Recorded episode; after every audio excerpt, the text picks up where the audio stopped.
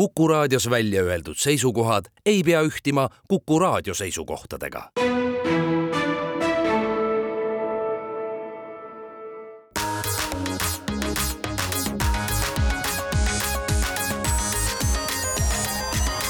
digitund. digitunnile ja digimaailmale annab hoogu Telia. on esmaspäev, kolmekümnes oktoober ja Digitunni stuudiosse on kogunenud Indrek Vaheoja, Mait Tafenau ja Andrus Raudsalu,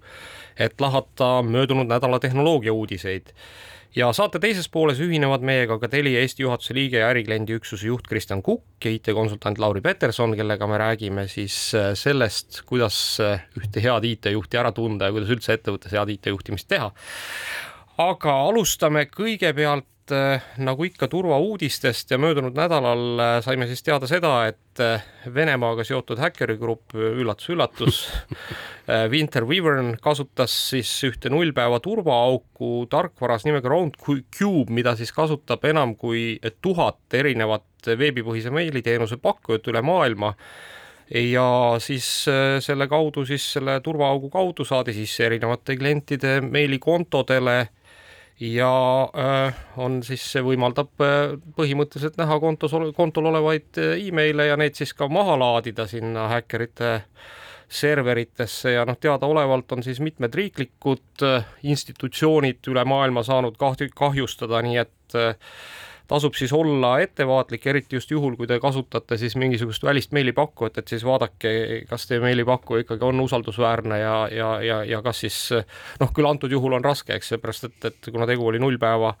turvaauguga, siis selle eest ei ole keegi kaitstud, oluline on teada seda, et siis äh, rünnak algas üheteistkümnendal oktoobril ja neljateistkümnendaks oktoobriks oli siis ka välja antud äh, vastav äh, turvaparandus. võin juurde kommenteerida, et et kes ei tea, mis on Roundcube, noh, ühest küljest on teil vedanud, eks ju, teil on moodsad tehnoloogiad kasutusel, aga Roundcube on väga populaarne nende hulgas, kes tahavad ise oma meiliteenust jooksutada ja sul on vaja mingisugust veebiliidest samuti oma meilide lugemiseks või, või klientidele pakkumiseks. ja Roundcube on lihtsalt jah, üks väga-väga levinud, niisugune mõnus kasutajasõbralik veebiliidest, ta küll ei ole nagu võib-olla meie turul on väga levinud, sest me oleme ikka natukene niisugune heaoluühiskond, ma ütleks, kellel on vahendeid, et osta endale Microsoft või Google'i nagu ilus vägev premium klassi teenus ja, ja ja meie turul see ei ole võib-olla nii levinud enam täna aga, aga tean väga palju riike, kus inimesed ei raatsi kulutada kallist raha nende teenuste peale ja, ja kasutavad niisuguseid teenuseid väga-väga laialt, nii et ma arvan, et see tuhat on, see on ikka väga tagasihoidlik number, et see on ikkagi, ma arvan, sajad tuhanded, kellel kusagil, kuskil jookseb ei, enda jaoks. ma räägin, see on tuhat eh, teenusepakkujat. ma mõistan, aga noh, ma endiselt ütlen, et neid ettevõtteid, kes iseenda jaoks selle juba püsti on, pluss siis, eh, pluss siis neid, kes võib-olla pakuvad oma sõbrale ja, ja, ja, ja teisele sõbrale, et noh, nad on ka tegelikult ju teatud mõttes teenusepakkujad, et et tegelikult tegemist on ikkagi maailmas väga levinud platvormiga. Aga nüüd teine äh, uudis tuli meile Indiast, kus siis India siis föderaalse juurdlusbüroo analoog tegi siis äh, eelmisel nädalal reidi seitsmekümne kuuele erinevale asukohale mis siis üle India simuleerisid eh, eri, kas siis Microsofti või Amazoni kõnekeskusi ja noh, nende business oli siis selline, et nad erist-, helistasid erinevatele inimestele, võib-olla näitasid neile ka veebis mingisugust niisugust äh, äh, märki, et noh, et teie arvutiga on kuskil midagi viga ja siis müüsid neile olematuid teenuseid nagu siis umbes noh, paarisaja dollari eest per nägu, aga, aga tegelikult siis ikkagi nagu lõppkokkuvõttes tulid sealt kokku päris kõvad miljonid. Ja, ja noh, tore, et, et selline äh, peturing on siis äh, nüüd maha võetud, aga, aga jällegi, et, et olge siis ka selles mõttes valvsad, et kui keegi üritab teile kuskilt eemalt äh, nii-öelda öelda, et teie arvutis on mingisugune viga ja, ja üritab siis seda raha eest parandada. ja tahavad saada makske. siis ka ikkagi arvutisse ligipääsu, et kohe aidata see viga ära likvideerida, et siis tuleb ikka väga ettevaatlik olla ja, ja kolmas uudis, mis võib-olla läheb osaliselt turvavaldkonda, on siis see, et eh, Google plaanib hakata Chrome'is kasutama siis uut eh, kasutajate IP maskeerimise süsteemi, mis tähendab siis seda, et eh, kogu siis kasutajaliiklus suunatakse läbi Google'i prokside, mis noh, ütleme, et ühest küljest on kindlasti kasutajale väga turvaline, eks teisest küljest tähendab seda, et Google saab teada absoluutselt kõike, mida te teete nii et äh, mine tea, et kas, kas, kas kumba pidi see on jah, Apple'il on seesama asi telefonides ja arvutides pikka aega nagu saadaval olnud, kes iganes seda kasutada soovib, eks. Ja ma arvan, et neljas võib-olla nüüd mitte päris enam äh, turvauudis, aga kindlasti positiivne uudis on see, et kõik, kes on Smart ID kasutajad, siis teadke, et kui te Smart ID viimase versiooni endale installeerite, installeerige see endale ka Apple'i kella, juhul kui teil see on, siis saate Smart ID koode toksida ka kella siferplaadil, et ei pea enam telefoni taskust välja võtma. ma just mõtlesin, et see on nüüd teine päriselt kasulik funktsioon Apple'i kellal, millega midagi päriselt, esimene maksmine, eks ju, mis on äärmiselt mugav sellega. ma mõtlesin, et esimene on ikkagi telefoni otsimine, et kui sul telefon kodus kuskil kadunud Jah, on, siis just, saad vaid kella pealt ju signaali see saada. sõltub kõik kellel kuidas, aga ma olen nõus, see kindlasti läheb sinna top kolme mis järjekorras saab igaüks ise otsustada aga ma ütleks, et Apple'i kell ei ole väga nagu ütleme platvormina nagu levinud tar- tarkvara, kus koht, kuhu tarkvara toodetakse, et selles mõttes mul on ülihea meel, et riik on teinud täpselt selle õige asja õigesse kohta, et, et need telefoni kellade kasutajaid meie turul on ikkagi päris palju ja, ja, ja ma arvan, et nad on oodanud pikka aega, et tuleks selle kellaga midagi ägedat peale hakata. aga nüüd positiivseid uudiseid ka maa, maakera kukla poolelt, sest et Eesti päikeseautotiim Solaride on päikeseautode maailmameistrivõistlustel väga hästi esinenud ja saanud siis oma klassis kolmanda koha. no maailmameistritiitel läks loomulikult Austraalia tiimile, koduseinad toetasid ilmselgelt, aga noh, eks kui väike nali kõrvale jätta, siis eh, meie omadel läks väga hästi sest et eesmärk täideti, esikolmikusse jõudmine oli siis, oligi selliseks plaaniks ja mis on väga tore veel, et Solaride'i tiim sai ka eriauhinna, nimelt tehnilise ülevaatuse parim. et kui arvestada sellega, et noh, mis seisus meil siin muud autod on kohapeal, kuidas tehnilises ülevaatuses asjas käivad, asjad käivad, et siis on väga hästi läinud, et kohtunike elu oli lihtne ja ehitati eestlaste poolt siis täpselt selline auto, nagu dokumentides lubatud oli ja kes siis tahab Solaride'i tiimile vastu minna, viienda novembri õhtul kell kaheksateist null null Tallinna lennujaamas on võimalik siis tervitada, aga loomulikult Digital Hubil üheksandal novembril on Solaride'i tiim ise kohal ka ja siis on võimalik seal juba kuulata ja ka Telias, küsida. Telia seal Digital Hubis, eks ju. just, just mm. -hmm. kusjuures oluline, oluline on siinkohal ka öelda, et, et lihtsalt, et kuulajad ei arvaks, et seal oli neli võistkonda ja kelle hulgast saadi kolmas koht, siis tegelikult oli seal kolmkümmend kaheksa võistkonda üle maailma ja ja klasse oli päris mitmeid erinevaid, eks ju. ikkagi esindatud olid väga soliidsed tiimid, nii et nii et igatahes tunnustamist väärt saavutus. aga lähme nüüd äh, rohkem selliste äh, kohtu-uudiste juurde ka, et, et sajandi kohtuprotsess on meil ju teatavasti käimas ja iga nädal tilgub sealt veidi uudiseid. kohtuprotsess on siis USA versus Google. ja möödunud nädalal siis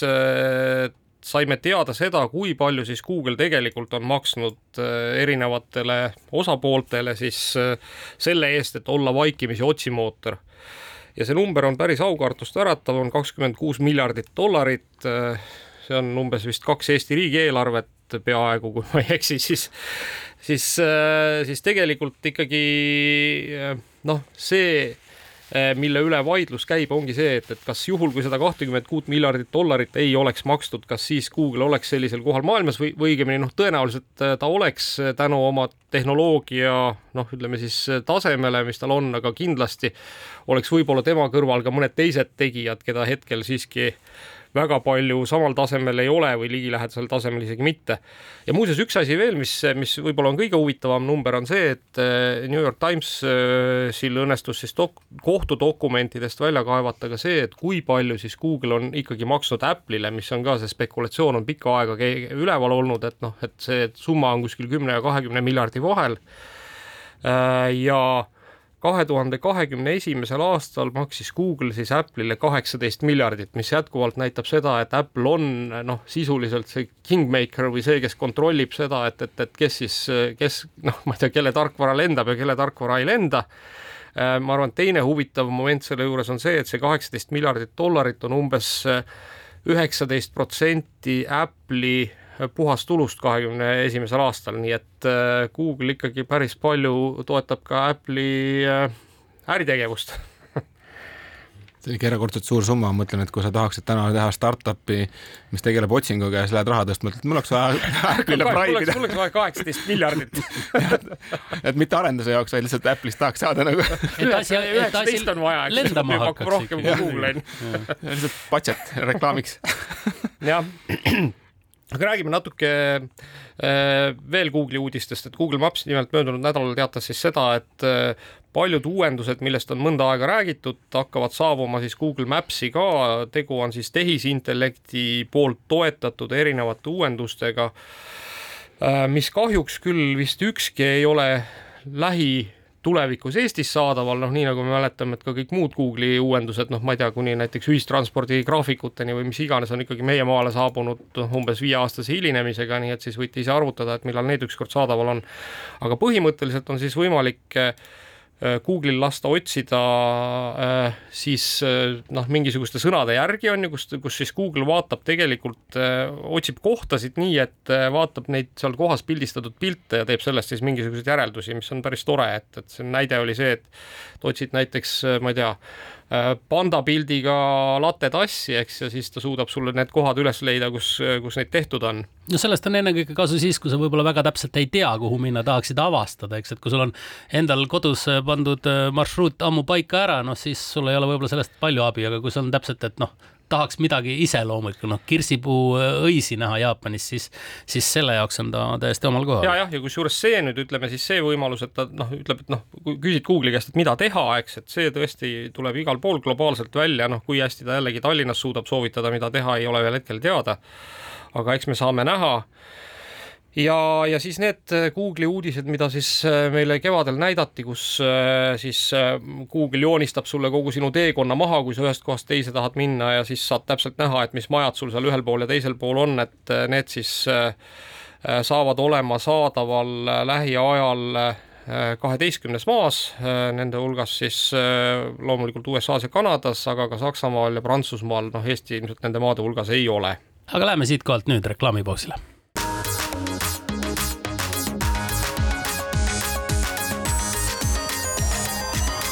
digitund. digitunnile ja digimaailmale annab hoogu Telia. Indrek Vaheoja, Mait Tafenau ja Andrus Raudsalu jätkavad möödunud nädala tehnoloogiauudiste kajastamist. ja räägime nüüd tehisintellektist. möödunud nädalal saabus selline uudis, et ÜRO on siis enda juurde loonud kolmekümne üheksast liikmest koosneva nõuandva organi mis hakkab siis tegelema tehisintellekti teemadega ja just sellega ka, et kuidas siis tehisintellekti ikkagi, tehisintellekti üle järelevalvet teostada ja kuidas seda äh, turvaliselt kasutada. Ja see on siis, koosneb äh, nii erinevatest ettevõtete esindajatest, noh, on seal näiteks Sony äh, tehnoloogia ohvitser, OpenAI CTO Äh, ka Microsofti äh, siis tehisintellekti äh, vastu-, tehisintellekti turvalisuse eest vastutav inimene, aga on ka nii riikide kui siis ka akadeemiliste organisatsioonide esindajaid ja esimene siis selle aasta nii-öelda esimene esmaste soovituste raport peaks valmima selle aasta lõpuks ja lõppraport siis järgmise aasta lõpuks, nii et ootame huviga, mis sealt tulla võib ja vaatame, kas siis ÜRO suudab tõesti tehisintellekti kuidagi ohjata. no kui me tehisintellektist juba räägime, siis oluline on ka ära mainida, et IBM on valmis saanud ühe uue efektiivse ai protsessoriga, mis siis on pika-pika aega olnud arenduses, väidetavalt juba kakskümmend aastat, aga mis peaks olema erakordselt efektiivne just tehisintellekti rakenduste jooksutamisel. ja kuna see protsessor ei vaja välist mälu, suudab ta teatud keerukaid arvutusi teha ülikiiresti, matkides inimese aju töö põhimõtet. no samas on siiski teada, et ta päris chat-GPT jaoks ei sobi, aga, aga neid ai nagu ka inimese aju, jah? eks ole, paljude inimeste aju kindlasti muuseas, kui rääkida nendest asjadest, mis on olnud nii-öelda pikalt eh, kuskil töös, siis eh, täpselt samamoodi eh, Mark Kurman siis Bloombergi kuulus siis kuul-, kuulujuttude avaldaja, kes on, kes on alati jälgib ka Apple'i tegemisi, on siis teada andnud seda, et et väidetavalt ikkagi Apple'il on olnud tehisintellekt päris pikka aega ka kuskil laborites töös ja, ja noh, ütleme, et hetkel on äh, tõepoolest seal ka kerge paanika selles osas, et äh, on jäetud siis maha natuke teistest, aga äh, kindlalt on siis sisemiselt tulemas juba uued lahendused. ja tõenäoliselt noh, ütleme mina, kui mina seda lugesin, siis mul tuli üks paralleel meelde, et et kui me nüüd mõtleme nagu siis MP3 mängijate peale, siis iPod ei olnud ka sugugi mitte esimene MP3 mängija, mis turule tuli. pigem üks viimaseid, aga, aga ka viimane, mis üldse jäigi. jah, just, aga, aga, aga ainuke, mida keegi mäletab, eks. nojah, aga ta oli niivõrd palju mugavam, ma mäletan, mul oli ka mingi no-name niisugune väikene MP3 mängija, kus sa väga, kui sa noh, juba mingi ühe plaadi kuulamise peal olid ühes kindlas kataloogis, sest siis oli enam-vähem okei okay.. aga kui sa tahtsid sealt suurest kataloogist mil, nagu väljuda ja valida, siis see navigeerimine oli tohutult keeruline ja tüütu ja no ebamugav ja siis, kui tuli Apple oma iPodiga, millel sa seda rattakest kerisid, see asi läks nii palju lihtsamaks ja pole ime, eks ju, et, et me teisi eriti ei mäleta enam. No vot, nii et võimalik, et siis Apple'i seest tuleb ikkagi ka mingisugune selline asi välja, et väidetavalt sisemiselt nad testivad juba siis toodet nimega Apple GPT, üllatus-üllatus ja noh, kõik siis kõvemad mehed nagu Craig Federighi ja Eddie Q on äh, sellega seotud. Nägin kuskil isegi mingit ruumorit jälle või siis kõlakat, et iOS kaheksateist on kõik nagu ai teemaline, aga noh, jumal teab, mis sealt tegelikult tulemas on aga ma viskaks siia kõrvale ühe teise huvitava leiu veel, et äh, nägin eelmine nädal uudist, et tuleb välja Leikal uus M11B kaamera ja mitte, et see kaamera oleks nüüd väga põnev minu jaoks, noh, ta oli küll põnev, aga kümne tuhande euro eest või dollari eest osta väike kompaktkaamera, noh, küllalt kallis toode ja igasti põnevate tehniliste näitajaga, aga mul jäi silma sealt üks teine asi. see oli esimene kaamera, milles on integreeritud content authentication ja siis ma läksin uurisin, olemas niisugune äh, organisatsioon nagu Content Authenticity, ma ei tea, kuidas ta isegi. Authenticity, jah. kuidas sa tõlgiksid seda, et sisu autentsuse komitee. jah, just, et, et ja, ja, ja kes siis tegeleb, ütleme siis tänases ai maailmas sellega, et, et kuidagi ikkagi valideerida, et see sisu, mida me igalt poolt saame, on autentne ja, jah ja..., et see on päris, eks, et see on see, mida nagu tegelikult kaamera silm nägi, mitte siis ei ole seda kuidagi protsessid loonud hiljem, seda. jah, hiljem nagu tehisintellekt kuskil kaamera sees loonud, on ju. kuigi ma hakkasin kohe mõtlema selle peale, et tore küll, et ma sealt Leikast saan puhta pildi kätte, aga see tähendab seda, et ma pean ka selle suutma päris puhtalt toota, et mitte, et ma ennem tõmban selle kuskil Lightroomi ja kohe tekivad ju sinna uued märgid peale, eks aga igal juhul oli see põnev, põnev leid. vot, leidsime oma uue lemmikkaamera, et, et kõik need, kes tahavad näha seda, et kuidas maailm päriselt välja näeb, siis peavad kõigest kümme tuhat dollarit välja käima ja siis saate endale sellise mõnusa kaamera. kusjuures, kui kaameratest räägime, siis Samsung S kakskümmend neli on tulemas ja sellel on, lubatakse niisugune tõeliselt võimas äh, sensor külge, mis on kakssada megapikslit ja, ja suudab üheaegselt siis nii salvestada kui lainurga kui ka siis zoom in'i eh, pilti ja, ja, ja lubab jälitada siis objekte üle terve materjali. ja see on eri, erakordselt lahe, et ma mäletan aastaid tagasi, ikka väga kaua aastaid tagasi oli jube lahe setup tehtud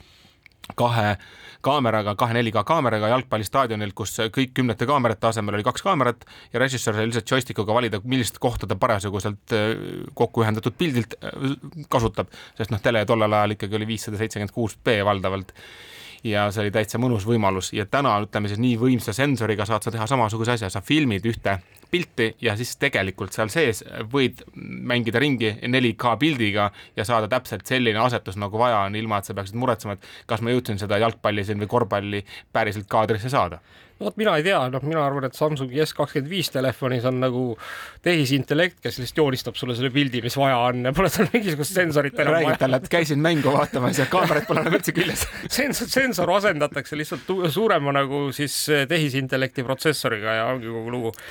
aga Samsungi juures juba oleme, siis võiks rääkida ka vist läbi aegade ühest suurimast äh, unekvaliteedi äh, uuringust või analüüsist, mis on siis just Samsungi nutikelladega mõõdetud ja seal siis analüüsiti seitsmesaja kuueteistkümne miljoni ööune andmeid. Ja tuleb siis välja, unearstid löövad juba lokku kõvasti, et inimeste keskmine ööuni on langenud alla kriitilise taseme, see on seitse tundi, alla seitsme tunni magab nüüd meil siis keskmine inimene aasta tagasi oli seitse tundi ja kolm minutit, iga aastaga see langeb. aga noh, hea uudis selle halva uuringu tulemuse juures on see, et meie regioonis siin, kus meie eestlased ja põhjaeurooplased on, on siis kõige pikem uni maailmas, seitse tundi ja neliteist minutit. ma hakkasin mõtlema, et see langenud on muidugi alati põnev, et kas ta päriselt on langenud või varem polnud lihtsalt andmeid noh jah, eks ole, ilmselt ei olnud, ütleme võrreldes siis eelmiste uuringutega. Ja kõige vähem magatakse siis Aasias. Öösel inimesed siis kuus tundi ja kolmkümmend neli minutit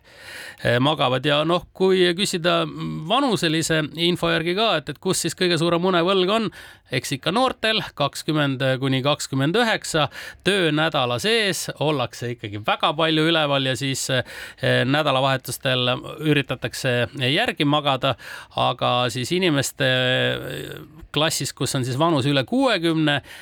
eluaasta on unevõlg kõige väiksem, et noh, et ilmselt selleks ajaks selline unegraafik on paika läinud. no vaata seal, seal need inimesed vist nii väga suures koguses ka Red Bulli ja Monsterit ei tarbi, onju. jah, ja oma tegevused planeeritakse ka võib-olla rohkem siis valgesse aega, mitte ainult siis öösel ja, ja võib-olla ka ütleme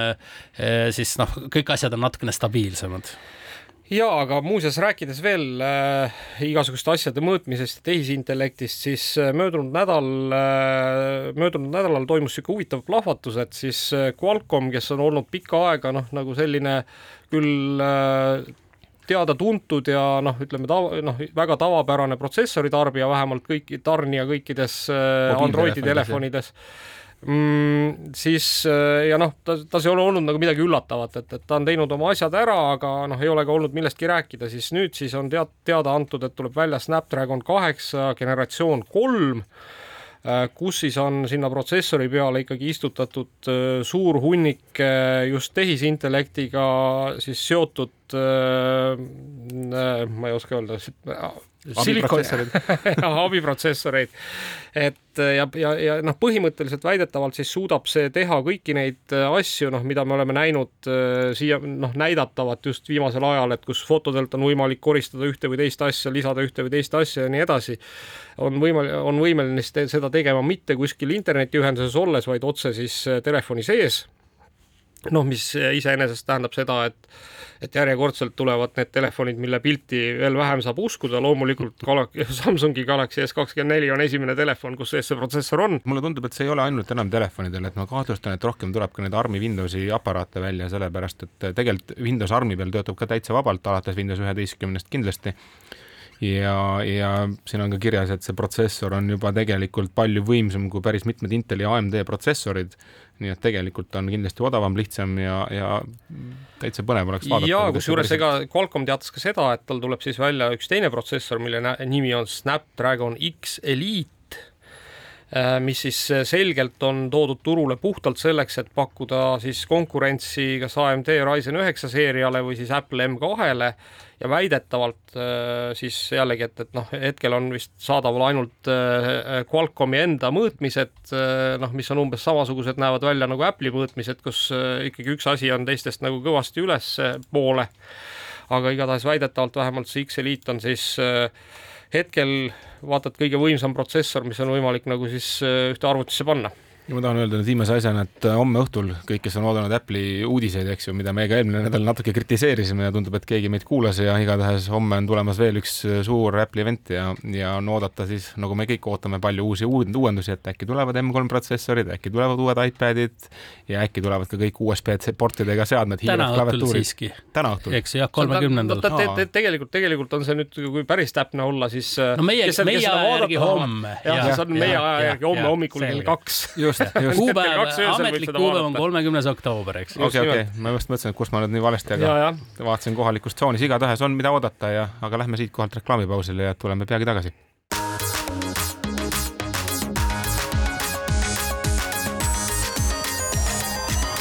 digitund. digitunnile ja digimaailmale annab hoogu Telia digitund jätkab oma kolmanda veerandiga, stuudios on Andrus Raudsalu, Indrek Vaheoja, Mait Tafenau ning meil on nüüd külas ka Telia juhatuse liige ja ärikliendi üksuse juht Kristjan Kukk ja IT-konsultant Lauri Peterson, kellega me räägime niisugusel äh, natukene provotseerival teemal, et mida peab teadma ettevõtte juht tehnoloogiast. Sellepärast, et tihtipeale ettevõtetel on olemas ka tehnoloogiadirektorid, eks, ja kõik muu, aga, aga, aga teisest küljest ka nemad vajavad kuskilt sisendit ja nii edasi et võib-olla alustamegi kohe sellest, et võib-olla profileeriks natukene neid et keskmisi ettevõtteid, et Lauri, sul on äh, pikaajaline kogemus erinevate ettevõtetega, et kuidas sina täna ma ei tea, kui sa nüüd julged sildistada natukene, et ettevõtte juhte või ma ei tea, lahterdame neid kuidagi kastidesse, et, et millised ettevõtete juhid üldse meil on tehnoloogia vaatevinklist? jaa, tere! eks ta nii on, et laias laastus ikkagi inimesed jagunevadki, et ühed on nagu rohkem tehnoloogiaga kokku puutunud ja teised vähem, et ega siin nagu, nagu muus eluski no midagi teha ei ole, kõik ei saa olla kõiges eksperdid, eks ju. kõik ei saa olla eksperdid, täpselt nii. aga kui me võtaksime nüüd niisuguse, niisuguse, ma ei tea, Harju keskmise, et, et, et kas me suudame kuidagi ka nagu leida nagu mingisugused, ma ei tea, mingid juhid, kes on väga tehnoloogiateadlikud, eks ju, mis metoodikat nemad kasutavad IT juhtimiseks ja ma saan aru, et on olemas ka niisugused IT-juhid, kellel ülemuseks ei ole mitte tegevjuht, vaid hoopis on finantsjuht jah, nii võib ka juhtuda, ei ole kõige võib-olla parem variant, aga, aga, aga loomulikult nii võib juhtuda aga muidu jah, et, et ongi need juhid, kes väga kipuvad IT-d juhtima, nad kipuvad ka üle juhtima seda, et see on see oht, on ju, et need IT-inimesed, vaesekesed ei saagi nagu oma, oma nagu suurt pilti teha, vaid et, et tegevjuht ja, või juhtkond ütleb, et teeme nii. Ja siis tuleb teha niimoodi, nagu juht ütles ja, ja tehnoloogiliselt võib-olla vale valik, aga no just, ja vahest võib muidugi hästi ka minna, vahest on õige valik, et mis seal salata, tegelikult ka juhid on nagu targad ja järjest targemad on aga kui me täna üritaks niisugust hinnet panna või sinu kogemuse põhjal Eestis, et kas meil olukord on pigem hea või pigem äh, niisugune halvemapoolne pigem ikkagi läheb nagu paremaks, et pigem ongi nii, et on hästi ja, ja järjest iga päev lähebki paremaks. juhid on rohkem tehnoloogiateadlikud, oskavad küsida õigeid küsimusi. juhid on võib-olla isegi natuke liiga ajast ees, et noh, osadel juhtudel ütlevadki, et las see ai teeb asjad ära ahah juba lugesin uudistest, et ai tuli ja miks meie juba ei kasuta. täpselt, täpselt okei okay,, aga ma saan aru, et tegelikult meil on ka tulemas mingi üritus, eks ju, kus siis äh, me saame aidata neid juhte natuke rohkem järje peale, eks? jaa, et juba üheksandal novembril on meil iga-aastane Digital Hub. aga, aga jah, võib-olla nii palju lükkaks müüti ümber, et see ei ole mõeldud ainult tehnoloogia huvilistele, vaid tegelikult on seal äh, kolm läbivat teemat. on äh, ärimudelid on tehnoloogilised trendid loomulikult digihaabile kohaselt ja, ja on ka tegelikult juhtimine kui kestlikkuse alus, ehk et mis juhtimisstiile meil vaja on ja selle hulgas, selle hulgas ka kogu keskkonna teema, ehk et ennem mainiti siin just ära, et et me oleme ise toetanud pikka aega Solaride'i, et ka nemad on rääkimas just nimelt ka niisugusest kestlikust ärimudelist. ehk et selles mõttes sealt ürituselt jagub kõigile, et me räägime tippjuhtidele tehnoloogiast, aga mitte ainult, vaid ka sellest, mis neile võiks iga, igapäevaselt huvi pakkuda. okei okay aga võtame natuke tagasi selle esimese küsimuse juurde, et mis on peamised probleemid, Lauri, täna IT ja äri vahel, mida sa oled näinud oma konsultatsioonikogemuse jooksul? et äh, mis on niisugused äh, kohad, kus võib-olla saaks teha paremini või, või mingi soovitus, mida, mida nagu anda nagu tegevjuhile kaasa? no eks see üks nagu koht on muidugi alati ju raha leidmise koht, on ju, ja see raha ongi nagu see, et, et, et noh, turva alla võib panna lõputult raha ja leida see balanss, et kus on see mõistlik kogus ja, ja kus on see riski hindamise koht, on ju. et noh, see on võib-olla nagu niisugune läbiv, seda turvat on ju räägitud ka nagu hästi palju viimastel aegadel nii erinevatel konverentsidel kui kui noh, ka inimesed omavahel, et tegelikult kõik on õnneks teadvustanud, et see turva on tähtis teema. ja noh, küsimus ongi siis, et, et kui palju sinna raha anda ja kui palju uskuda, et kas meid nagu noh, teoreetiliselt võib ka igaühega juhtuda midagi, on ju. et noh, see on pigem nagu näinud viimasel ajal nagu väga palju niisuguse teadlikkus on tõusnud mul kuskil meeldis kellegi nagu hea soovitus, et, et kui sa tahad nagu mingi niisuguse punkti kuskil maha müüa, näiteks oletame, et kas me juurutame nüüd selle turvaprotsessi või ei juuruta, siis me arvutame korraks kõrvale selle, et mis on see kahjum, mida me saame siis, kui me seda ei juuruta ja siis selle abil on väga hea nagu juhil teha otsus, eks ju, et kui ta tehnoloogiast võib-olla ei saa aru, ta ei taju oma kõhunaha pealt ära, et, et kui suur see risk sellega on, siis vähemalt rahakoti pealt ta saab kindlasti arvutuse ära tehtud, et kas see on mõistlik või ei ole. jah, täiesti nõus, väga ja et ma võib-olla lisaks siia juurde, et, et, et see on üks asi, mida ma olen viimasel paaril aastal näinud nagu väga selgelt muutumas meie tegevjuhtide laua peal, ehk et oskus ja soov teha niisugune riskianalüüs just tehnoloogilistest riskidest lähtuvalt, mõeldes kogu sellele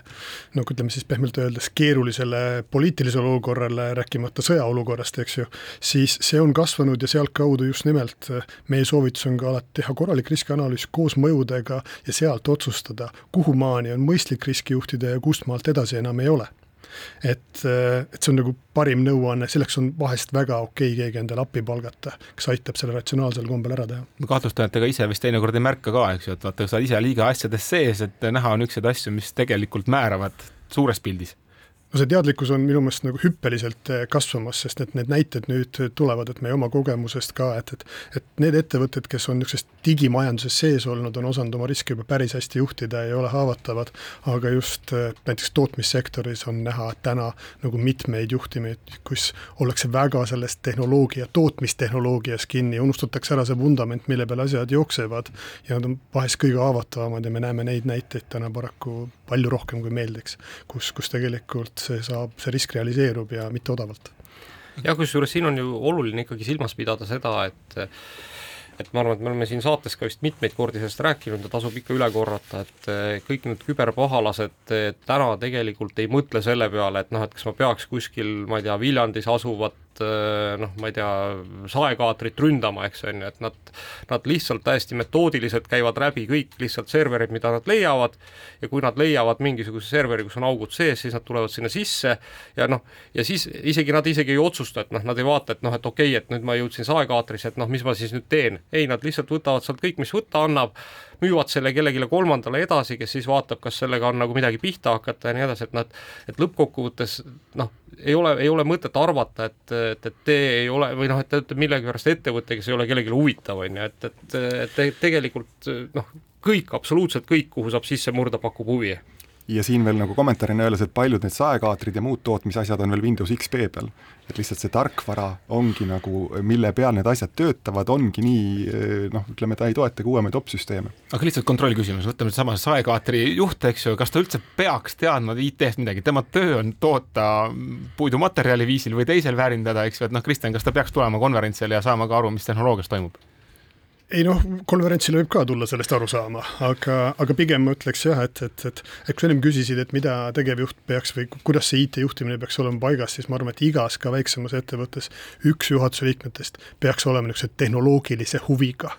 ehk et kui, kui üks juhtkond vaatab, et, et neil selle peakujuga inimest ei ole, siis ma arvan, et on põhjust mõelda selle peale tõsiselt, kes oskab olla see targem sisseostja ja aru saada, aga, aga jah, seda ma näen küll korduvalt, kus pahatihti niisugusesse väiksemasse ettevõttesse IT-info unustatakse nagu täitsa ära, see on kuskilt seest välja kasvanud, üks väga tubli inimene on seda teinud, aga aeg on väga kiiresti edasi läinud ja need lahendused on jäänud ajale jalgu ja see üks inimene kõige parema tahtmise juures ei suuda üksinda seal jal-, seda jalga käia. kuulan su juttu ja mõtlen praegu selle peale, et ega vist paratamatult tuleb nentida, et ma võin küll mõelda, et ma olen saekaatri direktor, eks ju, aga midagi teha ei ole, mingi tehnoloogia on sul ikkagi seal majas ja see tahab ikkagi juhtimist saada ja kui sellega ei tegele, siis ta juhib sind. ma lihtsalt ütlen, et ärme nüüd saekaatrit võta heaks, näiteks ma tean väga palju tehnoloogiliselt väga hästi juhitud seakaat-, saekaatreid, et, et sellepärast. ma isegi kahtlustan, et seal on rohkem tehnoloogiat, kui me tegelikult arvata oskame. kuni ai-ni välja, kus, eks ju, jälgitakse laoplatsi ja kõike muud, nii et sellepärast äh, ärme, ärme majandusharule liiga. see on tegelikult isegi, ma arvan, õige, et ega igas majandusharus on tegelikult olnud selline tehnoloogiline hüpe ja tehnoloogia on ju aidanud seda ettevõtet ju edasi viia viisil või teisel, nii et tegelikult tõsi on, et tihti väljast väljastpoolt hinnates tundub, et alaväärtustame seda, mis seal tegelikult taga toimub ja seal tegelikult on niisugune tehnoloogiamaailm, mida me isegi ette ei kujuta. aga võtame korra teise küsimuse, et äh,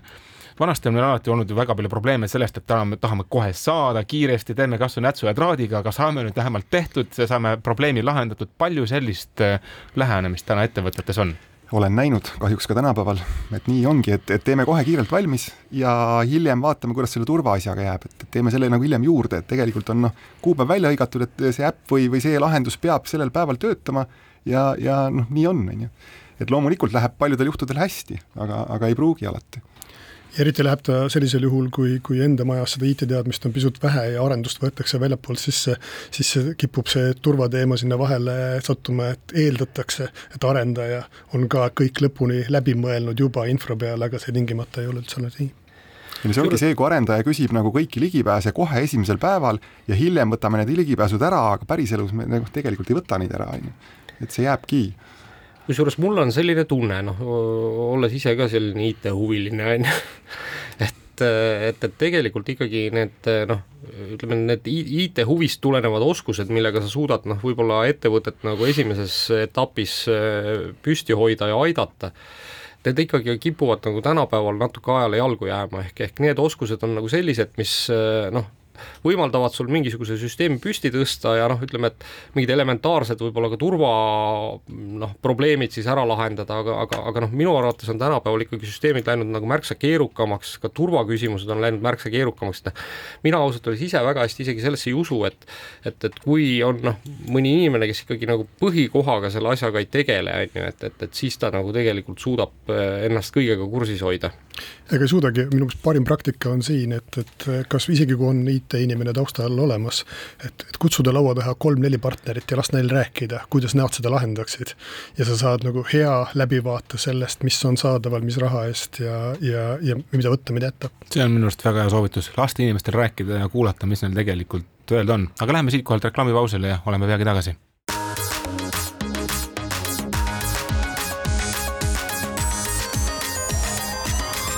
digitund. digitunnile ja digimaailmale annab hoogu Telia.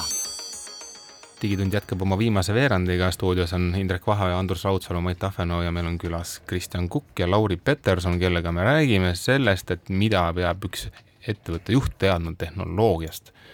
ja jätkame sellel samal teemal, mida me oleme siin juba viimased, viimases lõigus rääkinud, et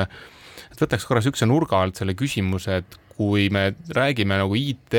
juhtimisest ja ärijuhtimisest, siis kui selge see lahe seal üldse vahel on, et mis maalt on IT ja mis maalt see on äri? eks see vahe on järjest väiksemaks jäänud, et kui vanasti tehti, tegi süsteemi administraator kasutajakontosid, siis täna võib seda teha ka täiesti vabalt sekretär. eks see piir ongi nagu hägustunud ja, ja selleks ei pea olema mingid IT-inimesed, kes teevad tegelikult vanakooli mõistes nagu IT-asju. mulle tundub, et tegelikult tihtipeale vist ettevõttes ei pruugigi olla niisugust IT-inimest üldse majas, eks ju, et sul on lihtsalt antud tööriistad jah, et sa oled täitsa loonud büroo, sul on, töötab seal kakskümmend inimest, ma kujutan ette, niisuguseid büroosid on veel terve riik tegelikult täis, kus on, polegi oma inimest, seal on keegi, kes toetab, aitab tööriistad valmis panna. täpselt nii, jumala õige. aga kuidas peaks olema? noh, nii ta õige. ma arvan, nii ongi õige muuseas et tegelikult selle oma IT-inimese või oma nagu sellise IT-meeskonna ülalhoidmine on teatud loomulikult suurettevõtete võib-olla nagu pärusmaa, aga, aga väikeettevõtetel ei ole mingit väärtust sellel. Ma ei saa siin rohkem kui nõus olla, eks ju, et et minu meelest IT-juht on nagu iga teine ma ei tea, ärivaldkonna juht, kes peaks otsustama, millele ma keskendun ise mida on, mis on turul küps, et seda sisse osta, mille, kuhu ma tahan, et mu aeg kulub ja alati meie pitch nagu tegevjuhtidel on see, et mõtle hoolega järgi, kuhu su IT-juht oma aja paneb. kas sa sellele, et asjad igapäevaselt koos püsiksid või sellele, kus me tahame olema kahe aasta eest ja mis meie eristuvus. ja, ja küsi seda küsimust endale ja mõtle, eks ju kusjuures tegelikult minu arust on jumala kuldsed sõnad, seda tasub kindlasti kõigil meelde jätta, et, et tasub tegeleda ikka nende asjadega, mis väärtust loovad, eks ju, et selle koos püsimise eest neid partnereid on täna turul vist võtta küll. no peaks leidma, jah ja üleüldiselt mulle nagu tundub ka seda, et kui nagu eraldi rõhutada IT-d ja äri tänapäeval on ikkagi natukene kohatu juba, sest need on ju niivõrd seotud omavahel, et, et see põhimõtteliselt noh, ikkagi suht sarnane asi, et, et, et siin nagu ranget vahet tõmmata nagu on, ei, ei ole mõistlik. ei no ei ole mõistlik ja minu meelest, eks ju, seesama IT-juht peab protsessist äri saama ja tegema kõigile protsessidele hästi lihtsaks mõista, kus IT saab abiks tulla. on siis kas või niisugune ju noh, tänapäeval nagu haipsõna nagu ai, et tegelikult on seda tehes väikse kaardistuse, mõtles rahulikult järgi, kus on madalad õunad, siis see on IT-juhi, noh, veel parem, kui on olemas niisugune analüütika või andmeteaduse juht sul, eks ju, kes aitab seda sulle majja tuua, aga väiksemas ettevõttes IT-juhi roll madalad õunad tuua ja ärini viia, eks ju. ehk olla see tehnoloogia tõlk ärile, kuidas see aitab sul õnnestuda aga see eeldab, et on ka teisel pool vastas huvitatud osapool, eks ju, ja kes ka oma silmaringiga nii palju on kursis, et vähemalt nagu saaks ka suunata küsimusega, öelda, mis tema arvates on oluline, sest noh, vaene IT-juht, kui ta peab kõikide asjadega tegelema maailmas, eks ju, ja ära arvama, mis võiks järgmisena meie ärile korda teha, kuigi see tegelikult peaks olema diskussioon. absoluutselt jaa, aga ühtepidi võib-olla siin ongi nagu äripoole nagu äh, informeerimise point ka oluline, et, et ikkagi äri ja peab nagu informeerima, mis on nagu tulemas ja mis asjad on nagu prioriteedid, et noh, et, et ka IT saab nagu teha suuri plaane paremini võib-olla üks kommentaar on veel, sa ennem küsisid, et mis on IT ja juhi nagu kompetentsid või tunnused, siis ma arvan, et järjest rohkem on see nüüd äh, niisugune inimeste ja kommunikatsioonioskus. et sa pead suutma paljusid partnereid hallata, nii et see mängib terviku välja. sa pead suutma organisatsioonis, suhtevõrgus luua ja lihtsust luua ja äris kaasa rääkida. ehk et see on üks oskus, et kui sa ütlesid kuskilt tõid näite, et niisugune IT-juht, kes oskab ainult lühendites rääkida, millest keegi teine ruumis aru ei saa, siis noh, ma arvan, et need IT-juhid õnnestuvad järjest vähem täna kas me võime ka kuidagi profileerida neid IT-juhte, keda kuskil ettevõttes on vaja, et, et ma saan aru, et noh, meil on juhid, kes räägivad väga hästi tehnoloogias ja saavad aru, võib-olla mõned on ka endised tehnoloogiadirektorid ja nad ilmselgelt oskavad kaasa rääkida, aga midagi teha ei ole, me kõik ei saa olla kõiges eksperdid, et noh, ma ei tea, mõni ei oska finantsis, mõni ei oska turunduses, mõni ei oska IT-s, eks ju, et, et, et, et, et mida siis nendega peale hakata, kes siis ise absoluutselt tunnevad, et, et, et kõik on neile nagu ähmane ja nad isegi ei julge sellel teemal otsuseid vastu võtta, et mida neile soovitada, keda neil vaja oleks? Sa mõtled nüüd IT-juhti või, või ikkagi ettevõtte juhti, sest no midagi teha ei ole, no me ei saa kõik teada kõike, no ei ole reaalne lihtsalt, et ma oskan kõike. ei no ikkagi tuleb leida õige partner, noh, ega siin nagu ei olegi, kui ise ei saa, siis tuleb leida partner. jah, ma, ma kaaluksin seda, et, et, et küsimus on ka, et kui suur see töömaht on,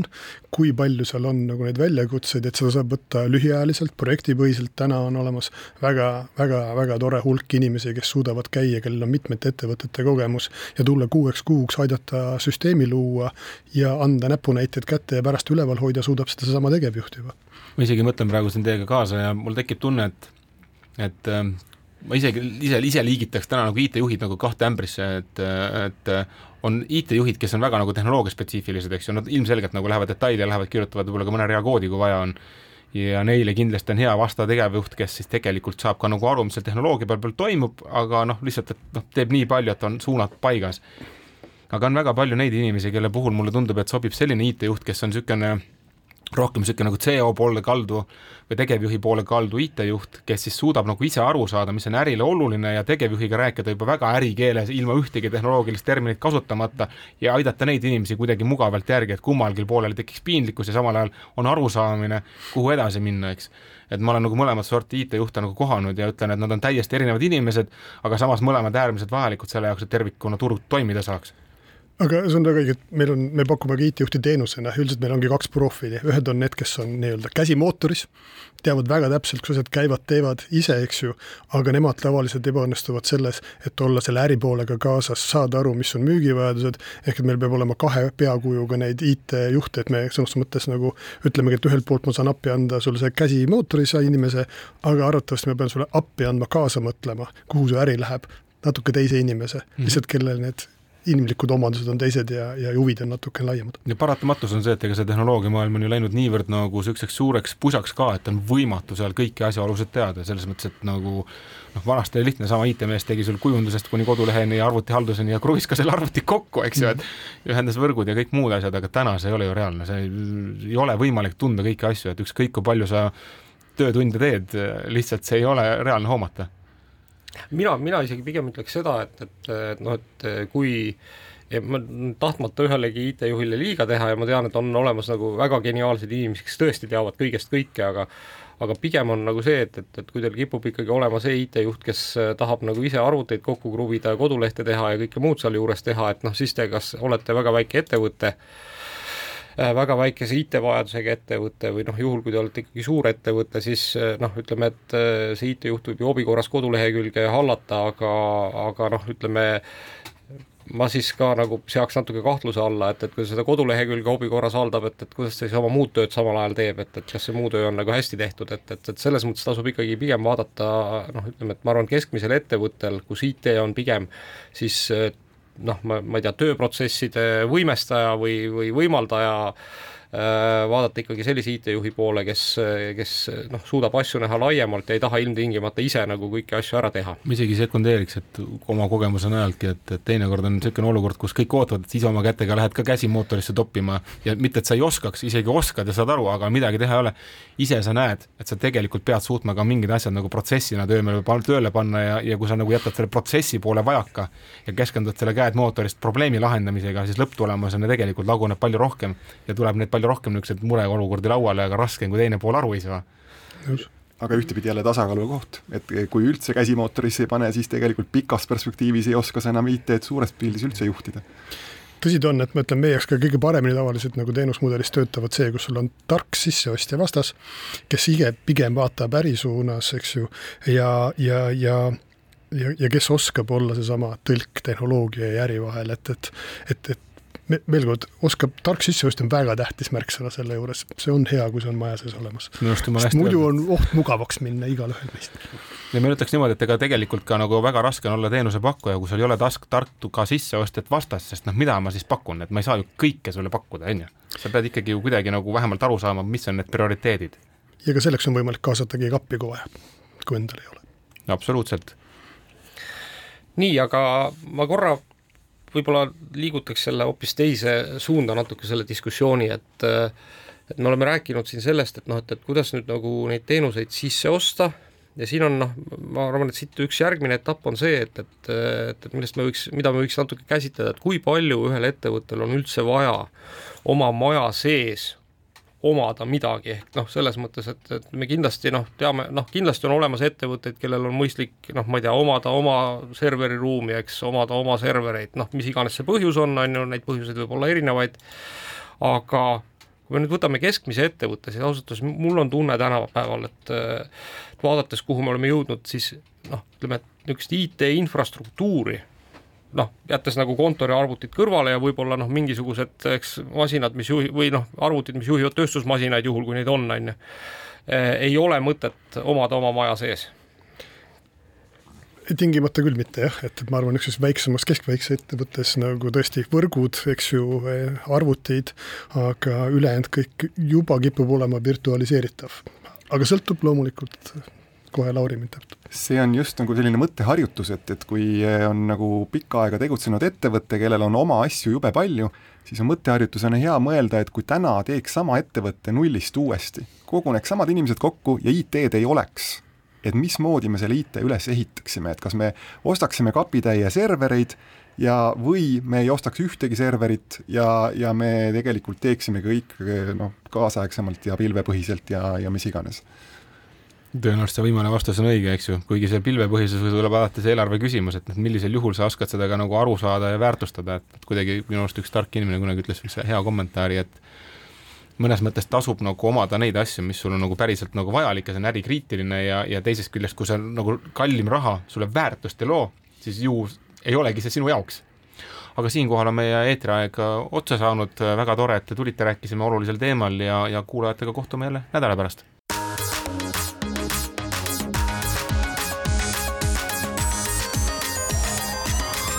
digitund. digitunnile ja digimaailmale annab hoogu Telia